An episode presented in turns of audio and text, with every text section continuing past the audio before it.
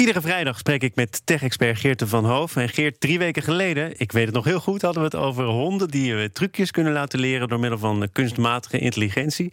En nu hebben we het over kunstmatige intelligentie die leert van wat honden goed kunnen. En honden kunnen een hoop, Geerten. Goedemiddag trouwens. Ja, uh, hi Thomas. Onder andere ruiken natuurlijk. Ja, honden ruiken ja, goed. Heel goed ruiken, ja. ja. Sterker nog, wel 10.000 keer beter dan mensen.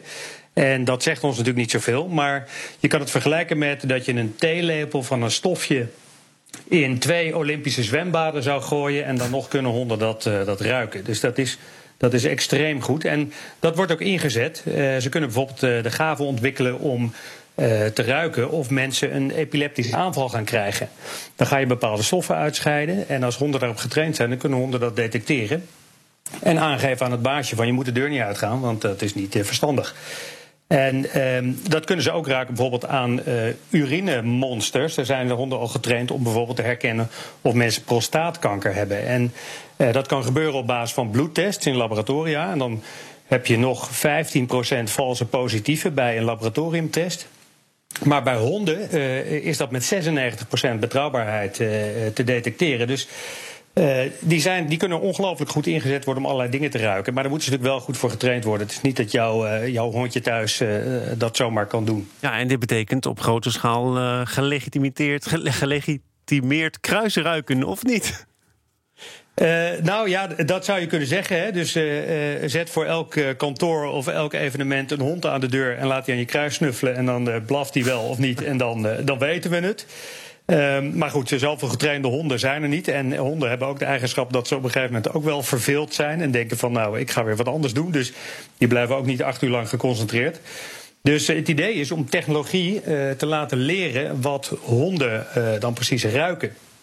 Maar het probleem is dat wat die honden doen, die, die halen niet bijvoorbeeld één molecuul uit een geur of een setje van moleculen. Um, maar er zit een heleboel uh, interpretatie bij van die hond. Dus de ene keer is het wat meer concentratie van dit, de andere keer weer wat concentratie van dat.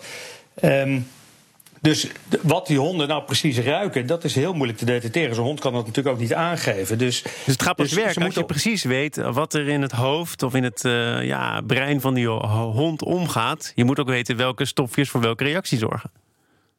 Ja, precies. Nou ja, en, en dat, dat weet je dus niet. Dat krijg je dus niet. Dus het enige wat je kan doen is zeggen van oké, deze hond sloeg aan uh, bij dit sample en deze hond sloeg uh, niet aan bij dat sample. En er is al een, een apparaatje ontwikkeld. onderzoekers van het MIT zijn erin geslaagd om een sensor te ontwikkelen. Dat noemen ze de nanoneus. En die kan net zo goed ruiken als, als honden. En de volgende stap is dan om te zeggen van oké, we hebben dus een heleboel samples, monsters, urinemonsters van mensen die uh, geen ziekte hebben. en in dit geval is het natuurlijk heel actueel, omdat we het willen testen op uh, corona. En het honden schijnen dat ook te kunnen onderscheiden. Of mensen last of besmet zijn met corona. En dus een heleboel monsters van mensen die het wel hebben. En dan te kijken met kunstmatige intelligentie. wat dan het, uh, de, de samenhang is tussen de monsters die het wel hebben en uh, het verschil met alle monsters die het niet hebben. Maar moet je daar een heel en, laboratorium voor schoonvegen en zorgen dat de opstelling precies zo is dat dit allemaal net uit kan? Of zit het anders in elkaar?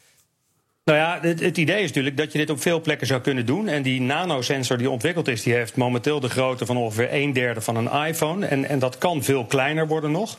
Het toekomstbeeld is ook dat dit soort sensoren op een gegeven moment echt standaard ingebouwd gaan worden in smartphones. Uh, Apple heeft al uh, patenten geregistreerd en dergelijke.